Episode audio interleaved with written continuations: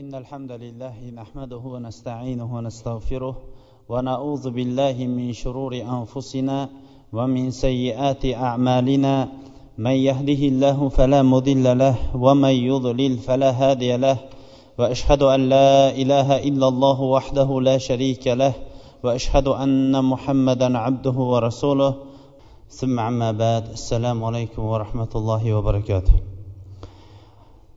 Odatdagidek suhbatimizni alloh taoloning go'zal ismlari va oliy sifatlari bilan ushbu majlisimizni turli xato va kamchiliklardan xoli bo'lgan majlislardan qilishligini tarqalishligimizda esa alloh taoloning ilm halaqalarini qidirib yuruvchi farishtalari bizlarga qarata ey allohning bandalari endi sizlar o'rninglardan turaveringlar vaholanki sizlarning gunohinglar endi kechirilindi degan majlislardan qilishligini so'rab suhbatimizni boshlaymiz. Va bugun ozgina kechikib qolganligimiz uchun uzr so'raymiz. Qishloqda bo'lmay uzoqda bo'lganimiz uchun kelguncha ozroq kechikdik. Va inshaalloh suhbatimizni o'rnini kechikkan o'rnimizni kafforatini inshaalloh kelgusi jumalarda ado qilamiz. Imom zahabiy rahimaullohning al kabair gunohi kabiralar deb atalgan kitobini o'n ikkinchi gunohi kabira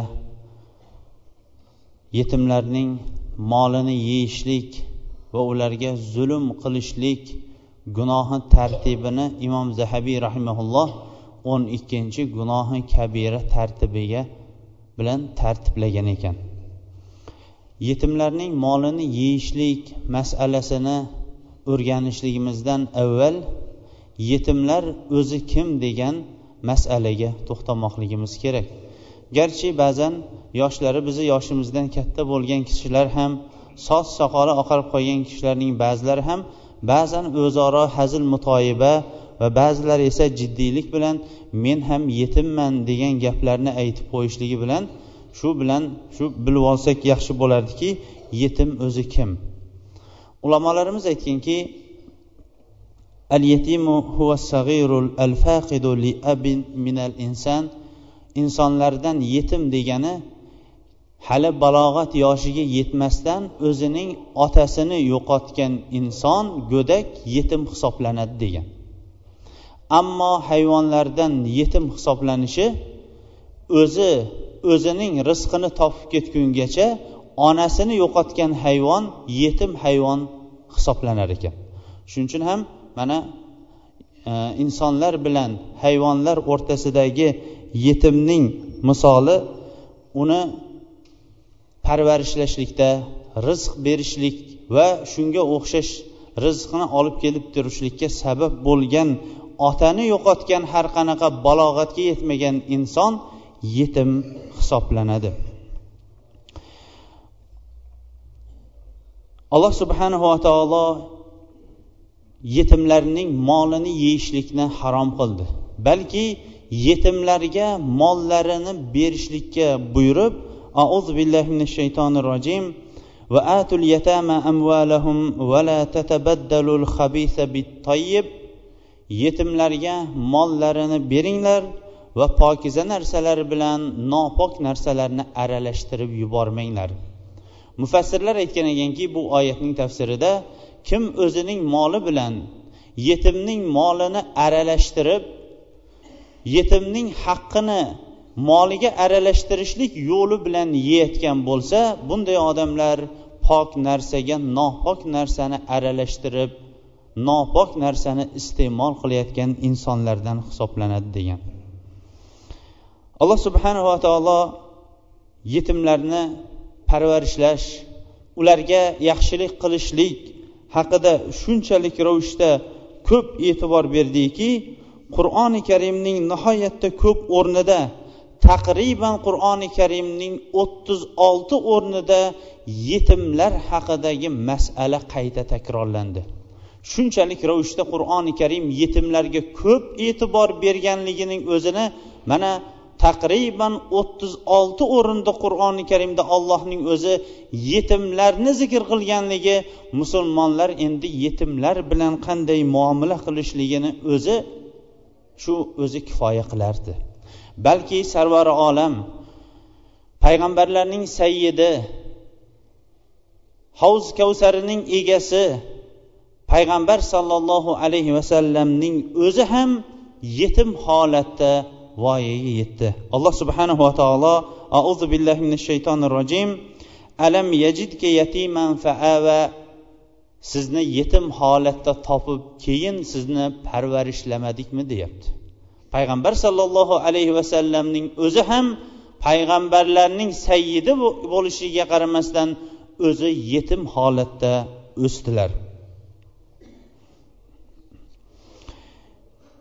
ulug' bo'lgan payg'ambarlar muso va hizr alayhissalomlarni ham yetimlarning xizmatiga alloh taolo buyurdi أعوذ بالله من الشيطان الرجيم وأما الجدار فكان لغلامين يتيمين في المدينة وكان تحته كنز لهما وكان أبوهما صالحا فأراد ربك hizr alayhissalom bilan muso alayhissalom o'rtasidagi suhbat hammamizga ham ma'lum. Mana kaf surasini o'qiganlar yoyinki tafsirni eshitganlar nihoyatda yaxshi bilishadi. Bu ikkovi payg'ambar hizr alayhissalomdan muso alayhissalom ilm olishlik niyati bilan birga safarga chiqishadi. Bir qishloqqa borganlarida qishloq ahlidan bularni taomlantirishlikni talab qilganda qishloq ahli bularga taom bermaydi. Lekin hizr alayhissalom shu yerda yiqilay deb turgan bir davonni to'g'irlab qo'yadi. Buni ko'rgan muso alayhissalom bizga yaxshilik qilmagan odamlarga yaxshilik qildingiz. Buni sababi deb so'raganda oxirida sababini aytadi. Ammo bu devor yetimlarning devori edi shahardagi yetimlarning devori edi. Uning ostida bo'lsa ota onasi bu yetimlarga tashlab ketgan xazina bor edi.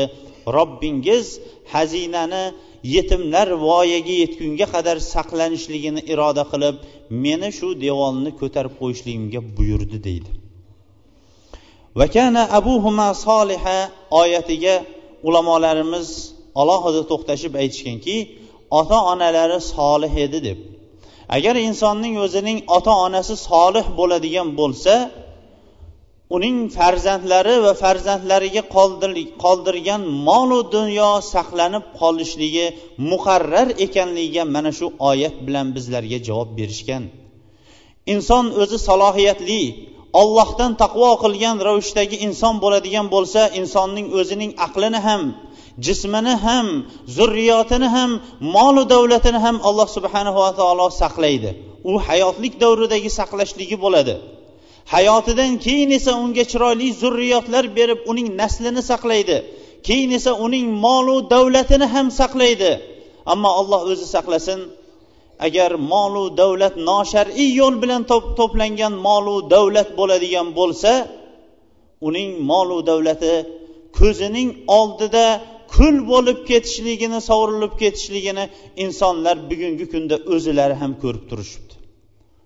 Vakana abuhuma soliha bu ikkovi yetimning ota onasi yaxshi odamlar edi shuning uchun ham xazinani saqlashlikka alloh taolo iroda qildi degan oyatning tafsirida imom qurtubiy ba'zi bir ulamolarning tafsirini olib kelganki agar inson salohiyatli inson bo'ladigan bo'lsa uning yetti pushtigacha bo'lgan zurriyatini alloh subhanava taolo saqlaydi molini ham unga saqlab beradi degan. Islom dini insonlarni yetimlarga kafil bo'lishlik va yetimlarning kafolatini olishlik hech bo'lmaganda yetimlarga yaxshilik qilib turib yaxshilik qilishlikka ham qodir bo'lmayotgan odamlar yetimlarning boshini silashlikka islom buyurgan din hisoblanadi. Auzu billahi minash shaytonir rojim.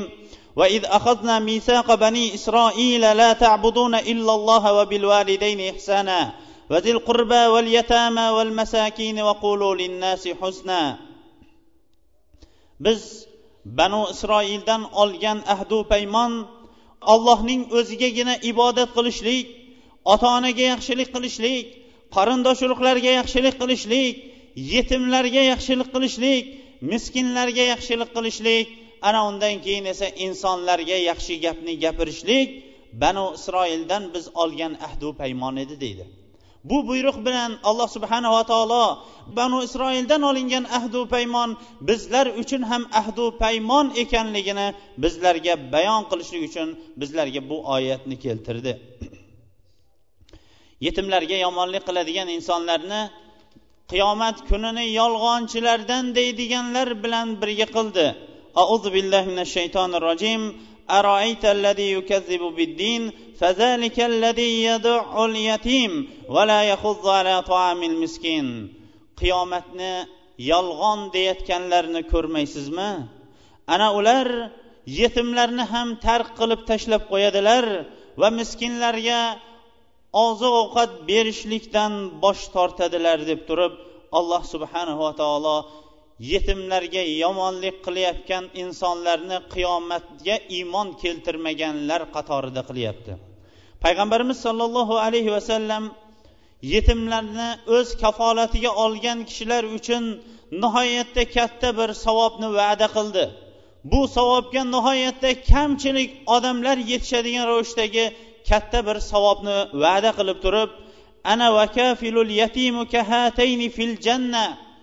Men va yetimga kafolat qilayotgan odam jannatda mana shunday turadi deb turib ko'rsatkich barmog'i bilan o'rta barmoqlarini bir birlari bilan yaqin qilib ko'rsatdi.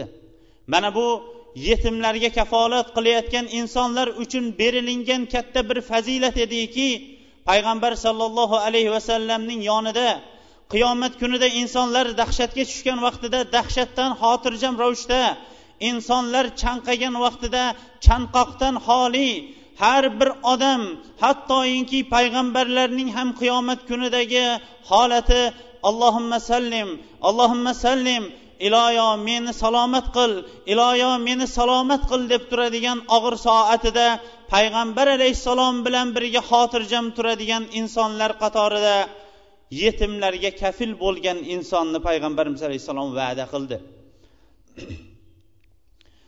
ulamolar aytgan ekanki payg'ambar alayhissalom bilan yetimga kafil bo'lgan odamlarning birga turishligining hikmati zalolatdagi insonlarni payg'ambar alayhissalom hidoyat yo'lini ko'rsatib turib hidoyat nuriga zalolat zulmatidan chiqarganiga o'xshash yetimlarga kafil bo'lgan inson ularni yedirishligi ichirishligi to'ydirishligi kiyim kechak bilan kafolat qilishligi ularning qiyinchiligiga yengillik berishligi payg'ambar alayhissalomning xalqlariga yengillik berishligiga o'xshashdir degan ekanlar. Ibn battol rahimaulloh aytgan ekanki mana bu hadisni eshitgan har bir musulmon mana bunday ulug' fazilatga yetishlik uchun yetimlarga kafil bo'lishlik uchun yenglarini shimarmoqligi kerak degan ekanlar. Haqiqatdan ham musulmonlar jamiyatida islom tarixi bo'yicha yetimxona degan uy bo'lmagan. Islom insonlarni shunchalik tarbiyaladiki yetimlarning boshini silab qo'yishlik gunohlar mag'firat qilinishligiga yetimga mutlaq kafolat bo'lgan inson kafolatiga olgan inson payg'ambar alayhissalom bilan birga mahshargohda yonma yon turishlik xabar berilgandan keyin sahobalar ichida yetim degan kalima eshitgan vaqtda darrov ular uni o'z bo'yinlariga o'zining vazifa kafolatiga olishlikka ular harakat qilishdi. Lekin insonlarda oxiratga bo'lgan iymon zaiflashganidan keyin yetim degan masala ularda unutilingandan keyin yetimning haqqini yeyishlik insonlarda yengil bo'lib qoldi. Yetimning haqqi yeyilgandan keyin haqqi yeyilib qolingan yetim endi yetimxonalarda qarovsiz holatdagi tarbiyalar bilan orqa holatdagi ortda turadigan tarbiya bilan tarbiyalanishlikka majbur bo'lgan bir yetimxonalar kelib chiqishlikka sabab bo'ldi. Vaholanki payg'ambarimiz alayhissalom ana va kafilul yatini fil janna men va yetimlarga kafolat qilayotgan odam jannatda birga turadi deb turib ko'rsatkich barmoqlari bilan o'rta barmoqlarini ko'rsatgan edi. Buni eshitgan sahobalar yetimlarni o'zlarining kafolatiga olishlikka nihoyatda haris bo'lishdi. Aslam rahimaulloh aytadiki bir kuni kechqurun tashqariga chiqsam umar ibn xattob yurgan ekan deydi. Mana shu vaqtda umar ibn xattob xalifalik vaqti edi.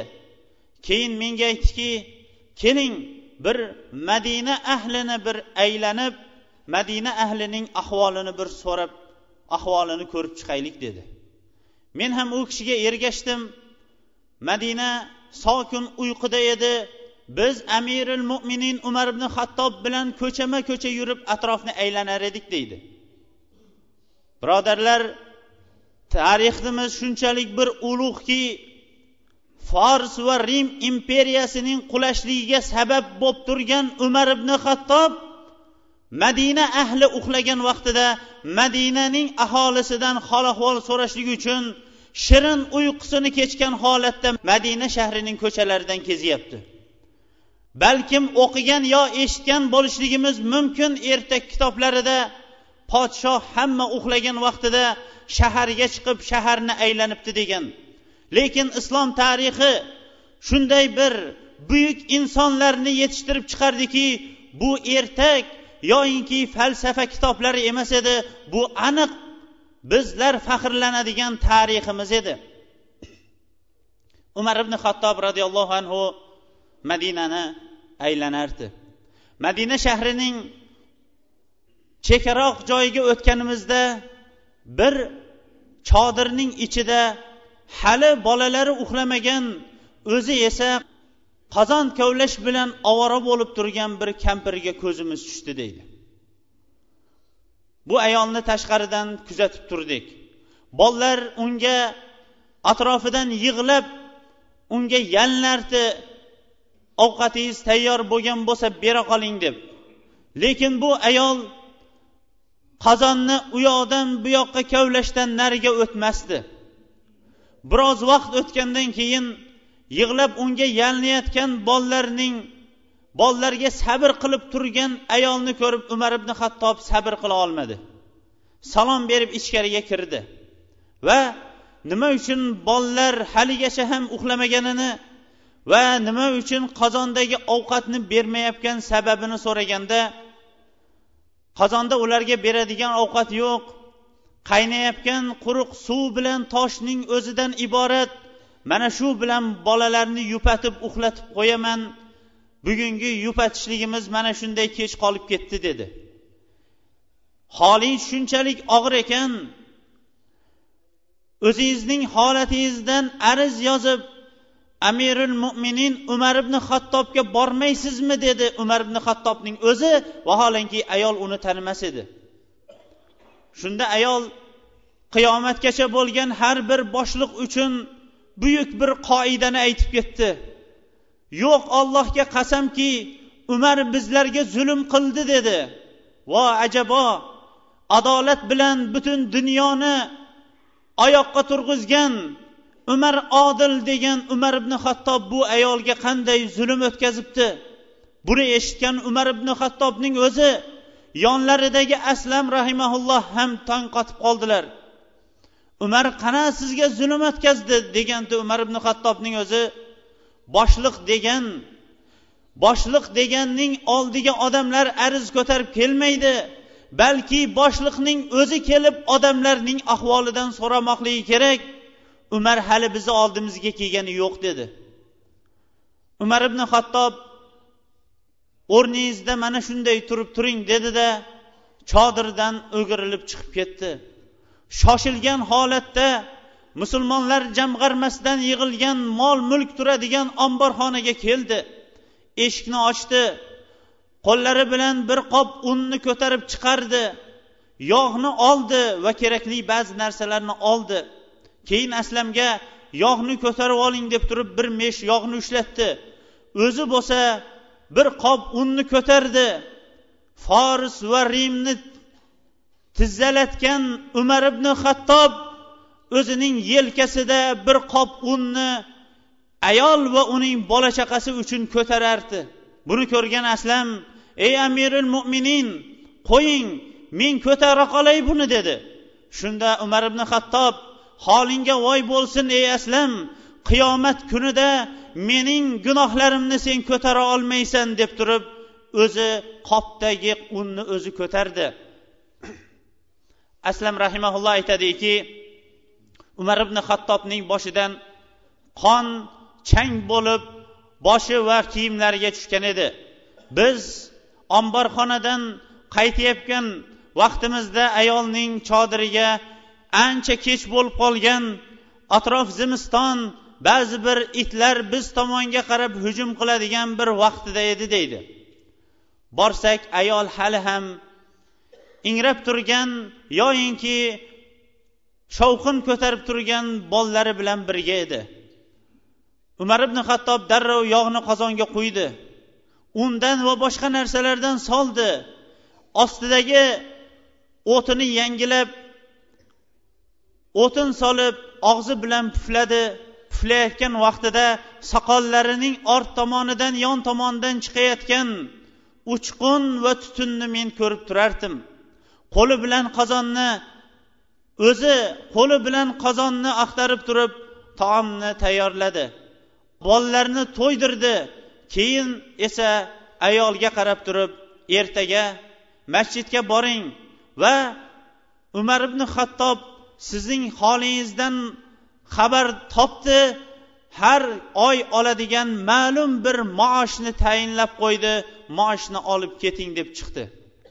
Chiqqanidan keyin menga qarab aytdiki bolalar yig'lab turgan vaqtida og'ir bir mas'uliyatni sezdim umar zulm qildi degan vaqtda ularning holini bilib turib yelkamga bir og'ir tog' minganday bo'ldi bolalarni kuldirganim va ularni to'ydirib uxlatganimdan keyin bu tog' endi mening yelkamdan tushdi degan.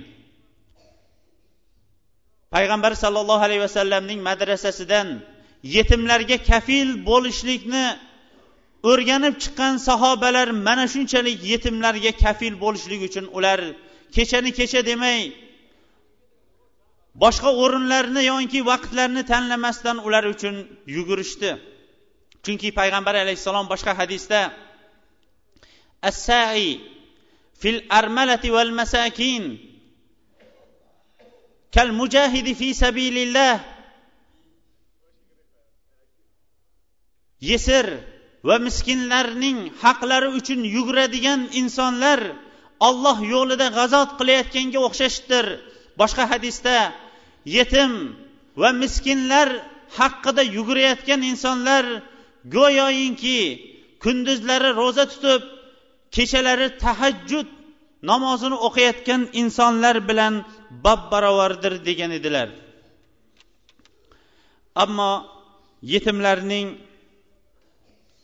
mollarini yeyishlikni islom mutlaq harom qilib keldi va mollarini yeyishlik u yoqda tursin mollariga yaxshilik bilangina yaqinlashishlik agar yaxshilik bilan yaqinlasha olmaydigan bo'lsa mutlaq yetimlarning mollariga yaqinlashmaslikka buyurdi auzu billahi minash shaytonir rojim والذين ياكلون اموال اليتامى ظلما انما ياكلون في بطونهم نارا وسيصلون سعيرا yetimlarning mollarini zulman zulm bilan yeyotgan insonlar bilsinlarki ular o'zlarining qorinlarida taom yoki molni emas jahannam olovini yeyaptilar va ular tez kunda jahannam oloviga yo'liqguvchidir payg'ambarimiz sollallohu alayhi vasallam o'zlari ko'rgan tushlarida bir odamning oldidan o'tdik. Bu odamga azob berilib turilardi va uning oldi tomonidan katta bir harsang tosh bilan urilardi. Bu harsang tosh uning og'zidan kirib orqa tomonidan chiqardi dedi. Bu kim yo jabroil deb so'rasam bu yetimlarning haqqini yeyayotgan insonning qiyomatgacha bo'lgan azobi ekanligini bayon qilib bergan edi. Va atul yatama amvalahum va la tatabaddalul al-khabisa bit-tayyib.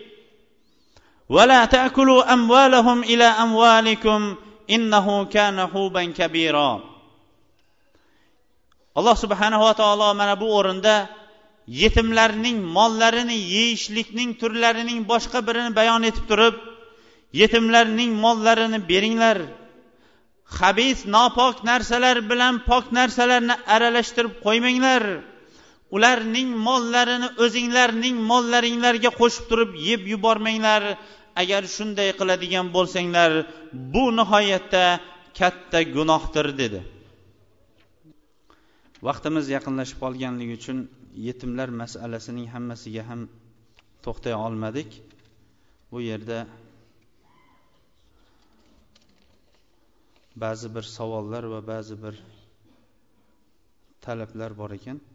Shularga ham to'xtab o'tmoqligimiz kerak.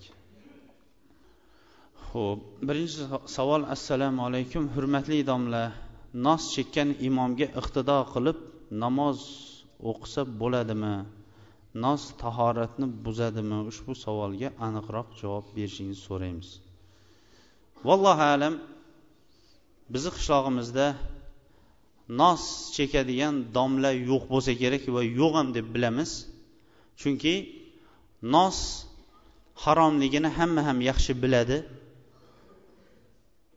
Va yuharrimu alayhimul xabais habis narsalarni harom qilib keladi deb payg'ambar alayhissalomning sifatini bayon qilgan nos hammamizga ham ma'lumki habis narsalarning bittasi va inshaalloh mana shu gunohi kabiralarda mast qiluvchi ichimlikdan keyin kashandalik sigaret va nos haqida alohida bir juma inshaalloh to'xtaymiz shuning uchun ham agar bilmaganlar bo'lsa bu nos olloh va rasuli harom qilgan amallarning bittasiga kiradi.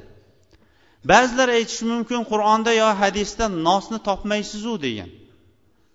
Qur'on va hadisda falonchi deb ismi kelmagan bilan uning sifati kelgan bo'lsa bo'ldi shuning o'zi biz uchun katta dalil bo'ladi. Payg'ambarimiz alayhissalom la zarara va la ziror musulmon kishi o'zgaga ham ziyon bermaydi o'z nafsiga ham ziyon bermaydi degan. Nosning ziyoni qanchalikligini hammamiz ham bilamiz. Mana qishloqda yashaganligimiz uchun yosh bolalar ilonga ozgina nos berib qo'yib o'ltirganligini yoinki ozgina otga nos berib qo'yib otam o'lib qolishligini hamma ham mana shu yerda bilishadi. Alloh taolo shunchalik rahmli zotki qoplab noslarni otib yuborib turib o'lim bermay hayot berib kelyapti bandam tavba qilib olsin deb turib. Mana shundan keyin endi nos deganlar bo'lsa ozroq tavba qilib olishligimizga ham sabab bo'lgan bir savol bo'lib qolsin shu. Ho'p duo qilaylik.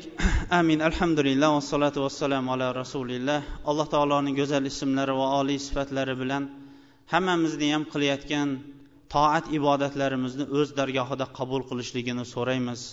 Ey robbim bizlarning gunohlarimizni mag'firat qil toat ibodatlarimizni o'z dargohingda qabul qil u juma bilan bu juma o'rtasida bilib bilmay qilgan xato va kamchiligimizni o'zing mag'firat qil. Kelgusi jumaga ham o'zingning toatingda yetishligimizga o'zing madad ber tavfiq ber. Ey robbim masjidimizga yordam berayotganlarga o'zing yordam ber. Masjidimizga qilayotgan infoqlarining o'rinlarini o'zing ortig'i bilan to'ldirib yubor. Oxiratda ham savoblarini buyuk qil ularning dunyo va oxiratdagi uylarini o'zing obod qil modomiki sening uyingni obod qilishlik uchun ular harakat qilayotgan ekan. Ey robbim bu bahorimizni bizlar uchun barakotli bahorlardan qil barakotli yomg'irlardan nozil qil dehqonlarimizning ishlariga rivoj ber hosillariga barakot ber va o'zingning toatingda ishlatishlikka o'zing tavfiq bergaysan. Ey robbim masjidimizga ilik kelganlarga ilik namoz o'qishni boshlayotganlarga sobit qadamlikni ber. To o'zingga yo'liqquncha ularning boshlarini o'zingga sajda qilgan holatda borishlikka o'zing tavfiq ber. Ey robbim bemorlarga o'zing shifo ber. Ularning bemorligini qilgan gunohlari bo'ladigan bo'lsa shu gunohlariga kafforat qilgaysan ey robbim farzandlarimizni o'zimiz o'ylagandan ham ortiqroq solih va soliha zurriyotlardan qil. Farzand so'rayotganlarga o'zlari o'ylagandan ham ortiqroq salohiyatli farzandlarni ato et. Safarga chiqqanlar iymon va amali solih bilan qaytishlikka o'zing tavfiq bergaysan. Nimaiki yaxshi amallar bilan ish boshlagan bo'lsak shu amallarimizni oxiriga yetkazishlikka o'zing tavfiq ber. Qiyomatdan avval yoki dunyoga ketishligimizdan avval uning samarasini ko'rib qiyomatda esa o'zingning oldingdan katta katta mukofotlar olishlikka o'zing sabab qil. Ey robbim ushbu masjidni modomiki obod qilishlikka kirishgan ekanmiz hammamizni ham bardam birdam qilgan holatda o'zingning uying obod bo'lguncha oxirigacha turib berishlikka o'zing tavfiq bergaysan. Mana shu uyingdan faqatgina o'zingning kalimang tavhid payg'ambar alayhissalomning sunnati taralishlikka sabab bo'ladigan o'zingning yaxshi ko'rgan uylaringdan qilgaysan. Ey robbim masjidimizni obod qilishlikka harakat qilayotganlarni ham agar namozlarida suskashlik qilayotgan bo'lsa namozlarida doim mustahkam turadigan bandalaringdan qilgaysan. Farzandlarini ham shunday o'zingning yo'lingda toat ibodat qiladigan solih va soliha zurriyotlardan qilgaysan.